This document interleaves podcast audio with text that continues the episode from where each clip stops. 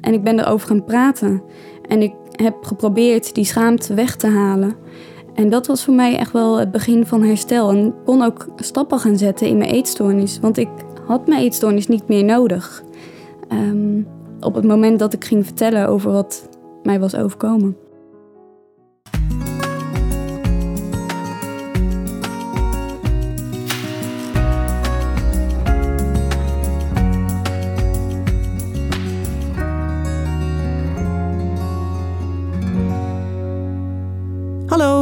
Welkom bij de podcast Verbindende Verhalen. Een podcast met bemoedigende, confronterende en ontroerende gesprekken over psychische problemen.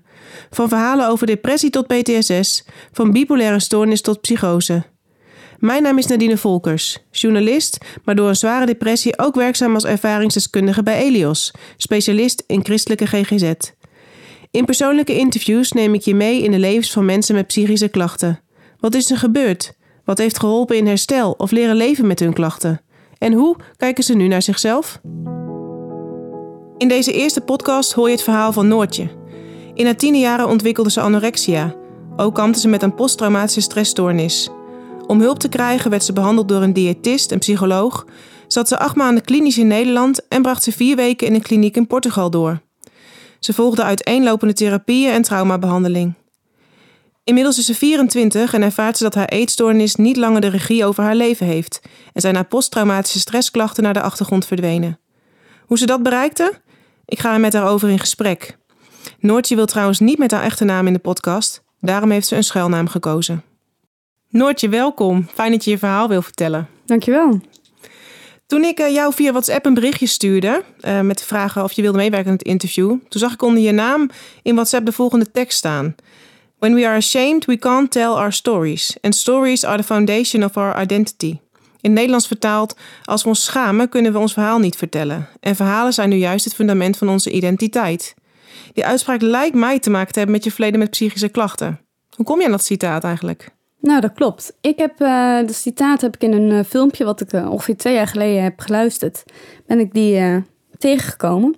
En dat trof me heel erg, want uh, ja, waarom zouden we ons schamen voor je eigen verhaal?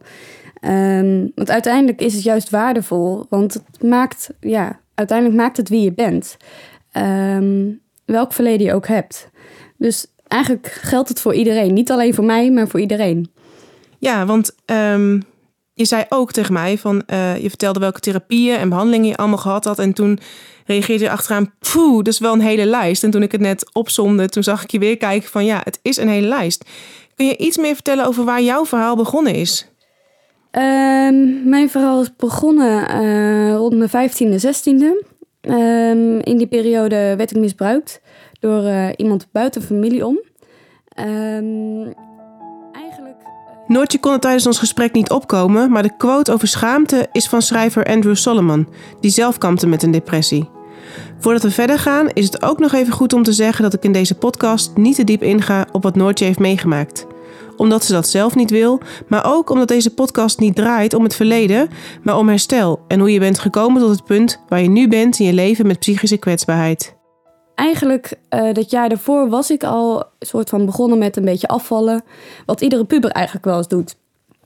En um, ja, toen ik uh, in de periode van het misbruik, toen ik misbruikt werd, toen um, ja, voelde ik van hé, hey, maar ik kan niet meer omgaan met uh, alle gevoelens wat ik voel. En maar wacht, ik kan afvallen. Weet je nog? Dat, zo ging dat in me om. En ja, eigenlijk is op die manier heel erg mijn eetstoornis begonnen. Van hé, hey, ik kan afvallen. En doordat ik afval, dan ben ik niet meer mij. Dan is mijn lichaam minder. Um, ja, ik ben letterlijk minder vrouw. Dus op die manier is het eigenlijk begonnen, mijn eetstoornis. Ja. Hmm. En hoe ontwikkelde die zich verder? Um, um, uiteindelijk ja, denk je van nou, 1 kilo eraf, 2 kilo eraf. En ik stelde mezelf continu nieuw streven. Van oké, dan uh, zo en zoveel kilo. En dan zo en zoveel kilo. En iedere keer als ik er was, voelde het voor mij als... Ja, maar het kan nog wel meer. Of het kan nog wel minder mij. En het kan nog wel meer van de weegschaal af. Um, ja, en doordat ik totaal niet met mijn gevoelens en emoties om kon gaan... was dat de manier om er wel mee om te gaan. Een stukje letterlijk verdwijnen. Ja, Maar uiteindelijk heb je, heb je hulp gezocht. Ja. Ehm, ik ben eh, met mijn moeder naar de huisarts gegaan. Ehm, ik kan me niet heel goed meer herinneren hoe dat allemaal is gegaan. Omdat ik zo, ja, eigenlijk zo diep in mijn eigen hoofd verzonken was. En um, vage dingen herinner ik me daar nog van. toen heb ik hulp gekregen ja, bij een diëtist en bij een PMT'er. Uh, maar daar kwam ik eigenlijk niet ver genoeg mee. Dus toen ben ik doorgestuurd naar uh, een psycholoogpraktijk in Ermelo. En toen vanuit daar stuurden ze me weer door richting de kliniek. Maar tot dan toe had je er alleen mee geleefd? Ja, mijn, mijn eetstoornis was wel zichtbaar. Um, alleen ik denk dat mijn omgeving er minder snel in de gaten had dat ik een eetstoornis had. Um, omdat ja, je leeft iedere dag met iemand en um, ja, dus anderen wenden er misschien ook een beetje aan. Um, ja, en ergens bleef ik zelf wel heel optimistisch. Dus ik maakte het ook minder groot dan dat het misschien wel was. Waarom wilde je dan toch hulp? Toen ik um, naar de eerste diëtist ging, toen merkte ik wel van hé, hey, maar het gaat niet goed en het ja, het lukt niet meer, het gaat niet zoals het hoort. Ik zag meiden op school wel gewoon eten, terwijl ik dat niet meer durfde. Um, dus ja, ik wilde eigenlijk ook gewoon gewoon zijn. Ja. Want die kliniek en ook de periode daarna, kan je iets over vertellen hoe het voor je geweest is? Um, ja, dat kan ik. De kliniek was voor mij uh, heel erg heftig, want um, ik kwam daar binnen met mijn eetstoornis en ik wist zelf wel dat er meer aan de hand was, maar ik durfde niet te praten uh, over het misbruik. Um, want ja, uiteindelijk was het daarom, daarom had ik een eetstoornis. Om het misbruik eigenlijk een beetje te verdoezelen. Um, dus ik moest wel werken aan mijn eetstoornis. Terwijl uh, het misbruikverleden wat ik had, um, ja, dat, dat werd niet besproken. Dus het voelde voor mij heel dubbel. Van hé, hey, maar ik werk wel aan mijn eetstoornis, maar tegelijkertijd voelt het... Ik kon stappen zetten, maar waren het wel reële stappen? Deed ik het wel voor mezelf? Um, dus ik vond dat heel intens. Uh, maar ik had de kliniek wel echt nodig om uit lichamelijke toestand te komen. Ja. Om lichamelijk beter te worden, fysiek beter te worden, bedoel je dat? Ja. Ja, want toen ik erheen ging, toen woog ik ook nou, heel wat kilo lichter dan dat ik nu ben. En um, merkte ik ook wel dat ik lichamelijk behoorlijk uit aan het putten was. Ja. Nadat ik in de kliniek heb gezeten, heb ik dagbehandeling gevolgd. En was ik vooral heel bezig met uh, herstellen voor een ander. En ja, ik deed het voor mijn familie. Ik, ja, ik moest wat voor mijn idee. Maar mijn, ja, het achterliggende probleem werd daar eigenlijk niet veel gezonder en beter van. Want hoe hoger ik in gewicht kwam, hoe meer moeite ik juist kreeg met mijn eigen lichaam. Met het vrouw zijn, vrouwelijke vormen kwamen terug. Um, dus daar kreeg ik heel veel last van. En daardoor viel ik ook weer terug in mijn eetstoornis. Toen mijn oma overleed, um, toen daarna dacht ik, maar ik wil niet, nou ja, even plat gezegd, zoals mijn oma ook in de kist liggen over een paar jaar. Toen uh, besefte ik me van, maar ik moet weer hulp gaan zoeken, want het gaat niet goed met me. En ik kan niet omgaan met de dingen wat mij is overkomen. Um, toen ben ik bij Jum Concern in Zwolle, uh, heb ik me aangemeld. Uh, mede ook omdat daar ervaringsdeskundigen werkten. En voor mijn gevoel, ja, dat, dat trok mij wel heel erg. Dat ik dacht, hé, hey, maar misschien kunnen zij mij begrijpen. Of misschien kunnen zij mij helpen met wat eronder zit. En niet alleen die focus op mijn eetstoornis van hey, je moet continu eten, je moet in gewicht aankomen en die weegschaal moet omhoog. Um, en toen ben ik daar in behandeling gegaan. En voor mijn gevoel is daar pas de openheid en de ruimte gekomen om um, ja, ook te kunnen werken aan waarom heb je nou een eetstoornis en waarom wil je geen vrouw zijn en waarom wil je dun zijn. En ja, eigenlijk op die manier. Was het voor het eerst dat je uh, bij die ervaringsdeskundige leerde praten over wat je had meegemaakt? Um, het was niet voor het eerst dat ik daar ging praten. In de kliniek heb ik ook wel iets aangegeven. Toen was het antwoord van, maar je moet eerst aankomen. Je moet eerst uh, hoger in gewicht komen, want dan pas kun je praten of dan pas mag je praten. Ehm, waardoor ik juist heel erg dichtklapte. Maar bij deze behandeling in Zwolle kreeg ik juist eigenlijk direct al heel erg de ruimte van... hé, hey, maar waarom heb je nou een eetstoornis? En wat, wat is daar dan? Hè? Wat, wat, waarom gebruik je je eetstoornis? En hoe, hoe kan het dat dat er zo is? Ja. Zat je, um, kun je aangeven wanneer jij op je diepste moment zat? Um, ja, ik, ja, ik vind het lastig, want ik heb op meerdere momenten heel erg diep gezeten. Maar ik heb het zelf denk ik nooit zo heel erg ervaren als ik zit heel diep of ik ben heel ziek of um, iets. Maar ik weet nog wel, het moment dat ik, uh, voordat ik naar de kliniek ging, zat ik boven aan de trap en um, in mijn eetstoornis braakte ik, laxeerde ik. Nou, ik putte me eigenlijk, eigenlijk mijn hele lichaam uit. En ik was zo moe en ik keek naar beneden, naar, gewoon ja, van boven naar beneden van die trap af. En ik denk, hoe kom ik nog die trap af? Hoe, hoe dan? En ja, dat was wel echt een lichamelijk heel erg een groot dieptepunt. Toen ben ik daarna ook maar gewoon in bed gaan liggen, want ik wist ook niet meer hoe ik naar beneden of waar ik mijn energie vandaan moest halen. Um, maar mentaal was het denk ik toch voor de traumatherapie, uh, die periode daarvoor, um, het stukje. Ik moest al in een bepaald gewicht zitten toen ik uh, naar traumatherapie ging. En het stukje al dealen met het lichaam wat ik toen had. En een stukje confrontatie met um, nou ja, het vrouw zijn. En uh, voor mijn gevoel een bepaald gewicht linkte voor mij ook heel erg aan het misbruik. Uh, dat was voor mij ook wel een heel moeilijk moment. Ja. Heb je op een gegeven moment gedacht dat er geen hoop meer was? Um, heb ik gedacht dat er geen hoop meer was?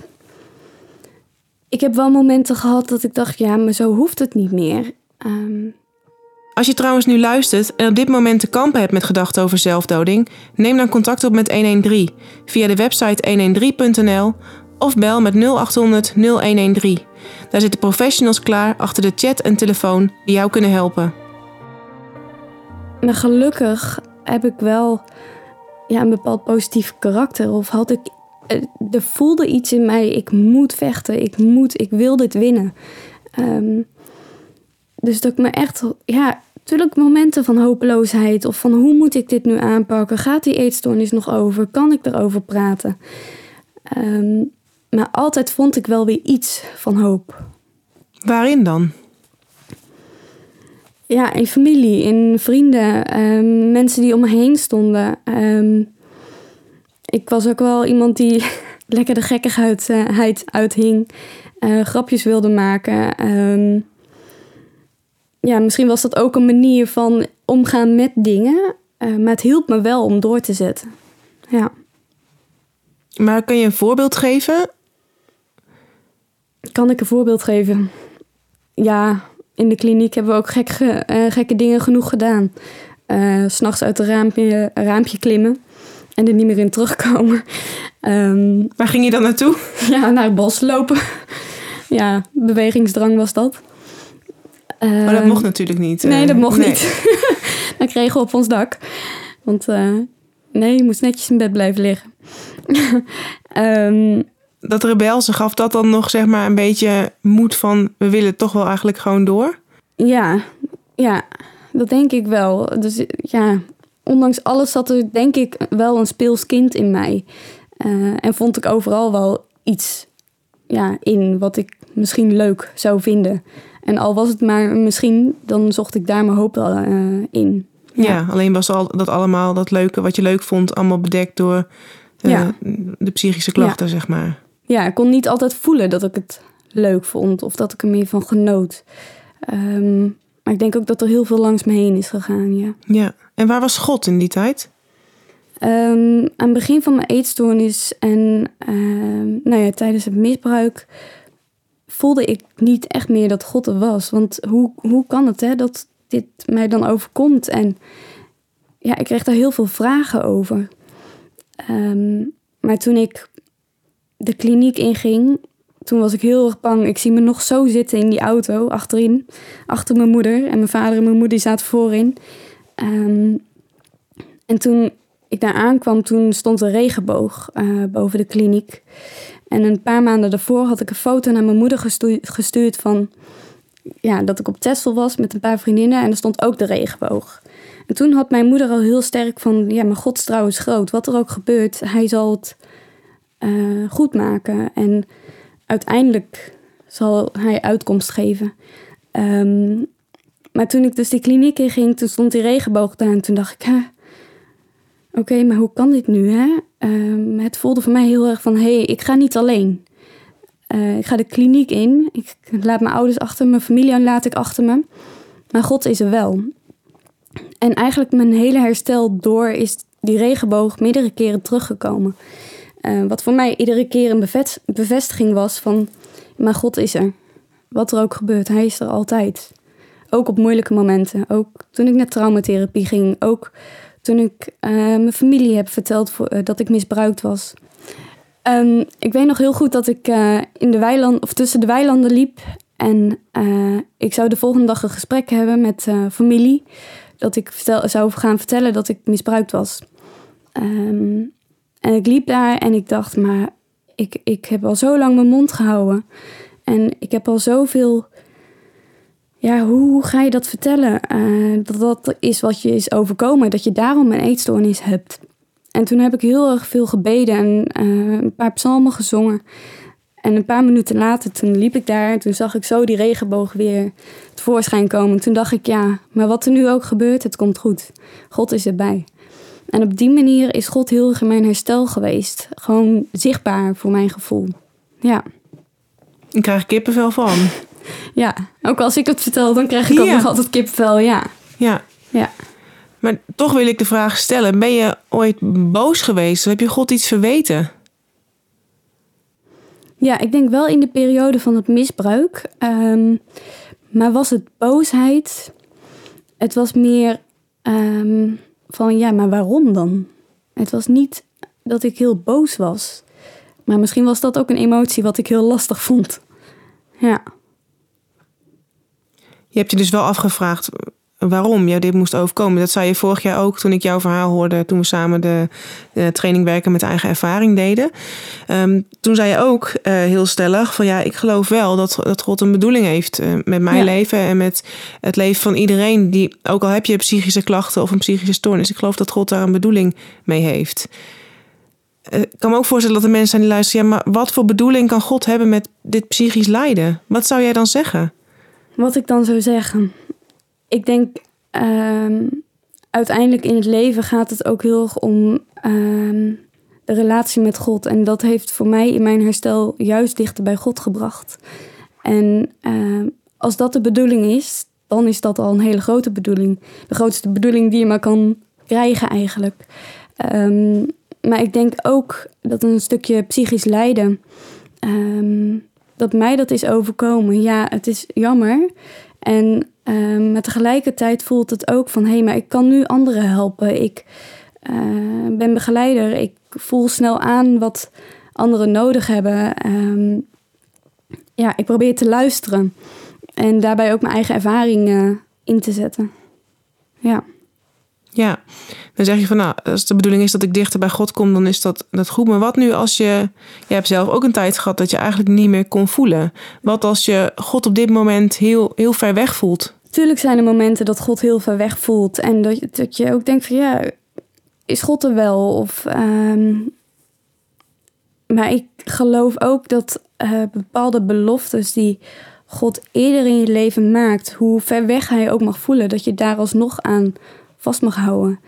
Um, voor mij was dat heel erg in Filippenzen 1, vers 6. Ik heb uh, een Bijbel meegenomen. Ik zal het voorlezen. En daar staat in van... Uh, ik vertrouw erop dat hij, die u, in u een goed werk begonnen is... dat voltooien zal tot de dag van Jezus Christus.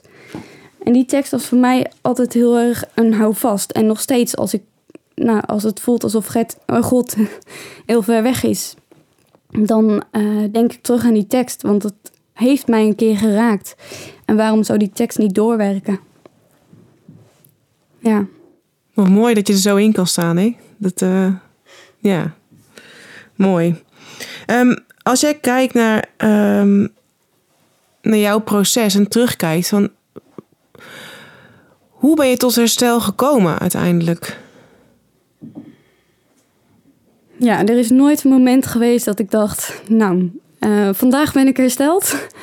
um, en er is nooit een moment geweest dat ik dacht, uh, nou ga ik er eens eventjes... Uh, ja, ik dacht het wel eens van, nou ga ik er 100% voor. Maar dan merkte ik toch wel eens van, ja, ik kan er 100% voor gaan. Maar soms dan val je toch terug. Of um, ja, een moment, dat kan ik niet aangeven, maar wel, uh, het is in stapjes gegaan. En voor mij was uh, de traumatherapie die ik heb gehad, was eigenlijk wel het begin van mijn hele herstel. Um, toch onder ogen durven komen van, uh, dit is mij overkomen.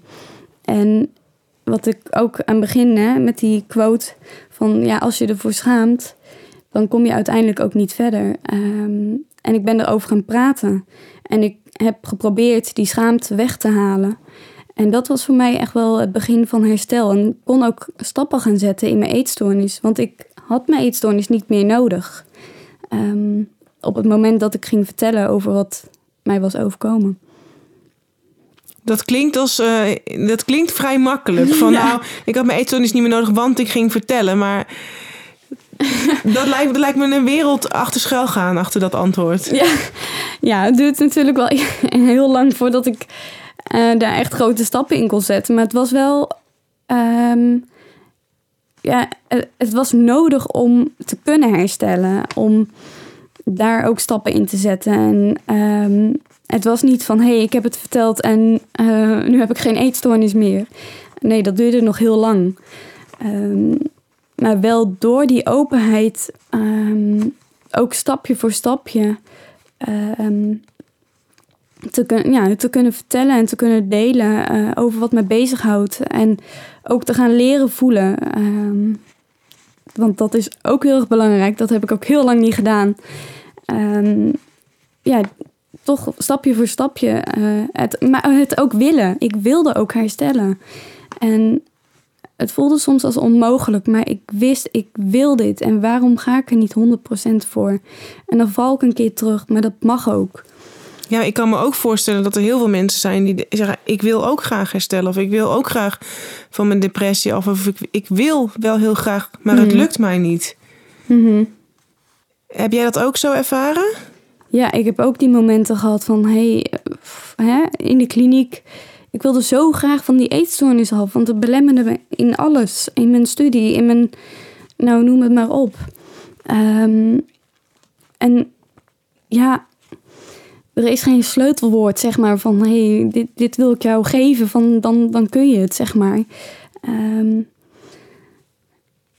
maar je zegt dat, dat erover praten heeft jou geholpen. Is een heel belangrijke sleutel volgens mij in jouw herstel geweest. Zijn er andere eh, principes die voor jou heel helpend zijn geweest? Um, dat mensen me leren, leren zien van uh, je mag voelen. Dat was voor mij uh, een hele belangrijke. Maar ook leren omgaan met emoties. Want ja, die had ik zo lang weggestopt. Um, ja, die, die, ja, waren die er nog? Ja, ik was soort van positief probeerde ik maar te zijn. Um, dus maar het was dus gemaakt positief zijn? Ja, was gemaakt positiviteit. Ik heb gesprekken gehad met mijn familie. Die mocht ik meenemen naar therapie. Met vrienden ook, een aantal vrienden. Um, ja, ze erbij betrekken, hoe moeilijk dat ook is. Um, al vertel je maar iets uh, bij therapie. En soms vertelde ik van ja, uh, het gaat niet zo goed en wil je misschien vanavond een rondje met me lopen. Uh, dat kon al heel veel helpen voor mij. Ja. Wat doe jij nu als het minder gaat? Wat doe ik nu als het minder gaat? Um, nou, sinds afgelopen januari heb ik een vriend. Uh, wat ik vol trots zeg. en um, ja, bij hem kan ik ook heel veel dingen kwijt. Uh, als ik even een rotdag heb of als ik het even niet meer weet. Um, daar, ja, daarom ben ik hem ook heel erg dankbaar dat hij mij die ruimte geeft. Maar ook uh, schrijf ik heel veel. ehm, gewoon van me afschrijven, gevoelens van me afschrijven. Of gewoon af en toe even lekker heel hard gitaar spelen. Dat helpt ook wel eens. Ja. Ja. Want hoe gaat het nu met je? Ja, ik kan zeggen dat het heel goed met me gaat. Ehm, ik kan zeggen dat ik van mijn eetstoornis hersteld ben. Ehm, dat mijn PTSS kan ik ook van zeggen dat ik hersteld daarvan ben. Uh, en natuurlijk komen er dingen in je leven, uh, moeilijkheden. Um, zoals nou, dat ik een vriend kreeg, was voor mij eventjes lastig aan het begin. Was het ook zoeken en is het nog steeds wel zoeken. Maar hoe, ja, toch door erover te kunnen delen en over te praten van... hey, hoe is dit nu voor je? Um, je? Ik ging daarin mee wel iets aan. Een angst ging ik daar wel aan in het contact met mijn vriend. Um, maar dan help. Dan, uh, merk ik toch van dat een praten over wat, wat je voelt en dat dat toch heel erg helpt. Ja. Je zei net ook nog even van, uh, toen je zei van ik heb een vriend sinds januari en dat zeg ik vol trots. Daar ging je ook echt helemaal bij glimmen. Ja. Wat maakt dat je dat zo vol trots zegt? Ja, vol trots, dat is wel het goede woord. Um, ik kan me nog heel goed herinneren dat ik uh, bij therapie zat. En uh, het was een mannelijke therapeut. En hij vroeg aan mij van, zou je nog een vriend of in de toekomst willen? En uh, ik heb hem aangekeken en ik dacht, nou, kun je dit aan mij vragen? Dit is, nou, ik wil het gewoon niet meer. En ik was er zo van overtuigd dat dat niet meer kon. Uh, na wat mij was overkomen. En uh, toen ben ik toch gaan daten vorig jaar. En ja, eigenlijk is dat toch het beste wat ik heb gedaan. Toch die angst aangaan en uh, mezelf ook wel iets mogen gunnen. Van hey, ja, je verlangt toch naar liefde en naar mensen om je heen. En naar een vriend. En je wil ook gaan dromen. En over je toekomst ga je nadenken. Dus ja, dat uh, maakt me toch wel heel erg trots dat ik die angst ben aangegaan. En dat ik um, ja, daar nu zo goed mee om kan gaan. Ik had dat zelf nooit verwacht. Dat dat überhaupt nog zou kunnen. Maar het kan toch. Ja. Ja. En hoe zie jij de toekomst? De toekomst. Huisje, boompje, beestje. um, nou, dat is wel wat ik hoop, uh, uiteindelijk. En ik hoop um, toch ook als ervaringsdeskundige aan het werk te kunnen gaan. Ik doe dan nu, uh, ben dan nu ervaringswerker binnen Elios. Um, Kun je maar, vertellen wat je als, als ervaringswerker doet? Ik uh, leid herstelgroepen. En daarin kom je met de groep bij elkaar. En um, ja, heb je bepaalde onderwerpen en die bespreek je dan. Daar zitten bepaalde opdrachten aan. En um, op die manier probeer ik toch als ervaringswerker ook een steentje bij te kunnen dragen van hey, je, je, je kunt richting herstel gaan of um, een luisterend oor of herkenning geven aan anderen. Dus uh, dat is wat ik doe. Ik ga afronden. Laatste vraag. Wat, wat zou je tegen anderen willen zeggen die nu te kampen hebben met, met psychische klachten? Um, je pakt ja. een papiertje erbij en dat echt alsof nou, je daar van tevoren over ja, nagedacht hebt. Hier komt mijn boodschap. ik heb erover nagedacht en eigenlijk begon jij ermee met die quote van. Uh, uh, when we are ashamed, we can tell our stories. And stories are the foundation of our identity. Um, dat is wat ik eigenlijk mee wilde geven. Um, want ik, ik geloof heel erg in, uh, ja, je bent wie je bent. En, en wat dat betreft mag je gewoon zijn wie je bent ook. Um, of het nou moeilijk is, of dat, dat het makkelijk is, of dat je nou een beetje gek bent, of noem het maar op. Um, ja, dat je er mag zijn wie je bent. Ja nog even over die quote, want wat heeft schaamte voor jou betekend? Schaamte. Uh, uh, aan het begin van mijn, uh, het ziek zijn was schaamte vooral van... hé, hey, mijn mond gaat op slot. En ik zeg niks meer. En ik mag niks meer zeggen. En ben bang voor wat andere mensen vinden.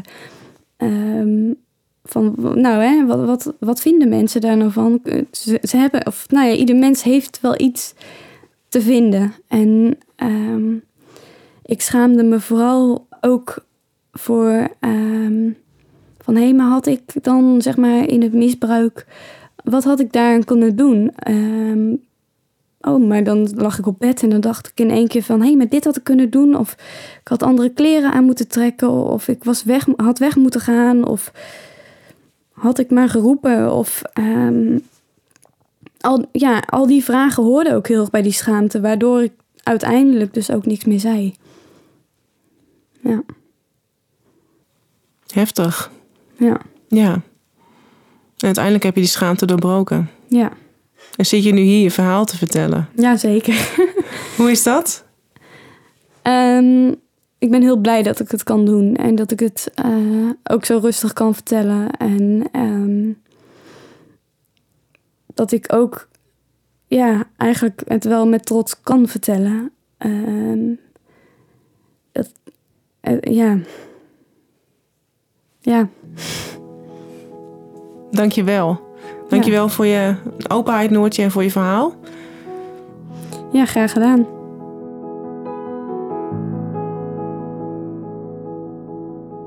Bedankt voor het luisteren. De podcast Verbindende Verhalen wordt gemaakt door Elios. Elios is specialist in christelijke GGZ. Vanuit ons christelijk geloof werken we met jou en de mensen om je heen aan herstel van het gewone leven. Wil je meer verhalen over herstel horen? Kijk op ons blog geloveninherstel.nl. Wil je dat meer mensen deze podcast horen? Deel hem dan via je eigen social media of geef de podcast een like, zodat we in de toekomst meer mensen kunnen bereiken met hoopgevende verhalen over leven met psychische klachten. Tot de volgende aflevering.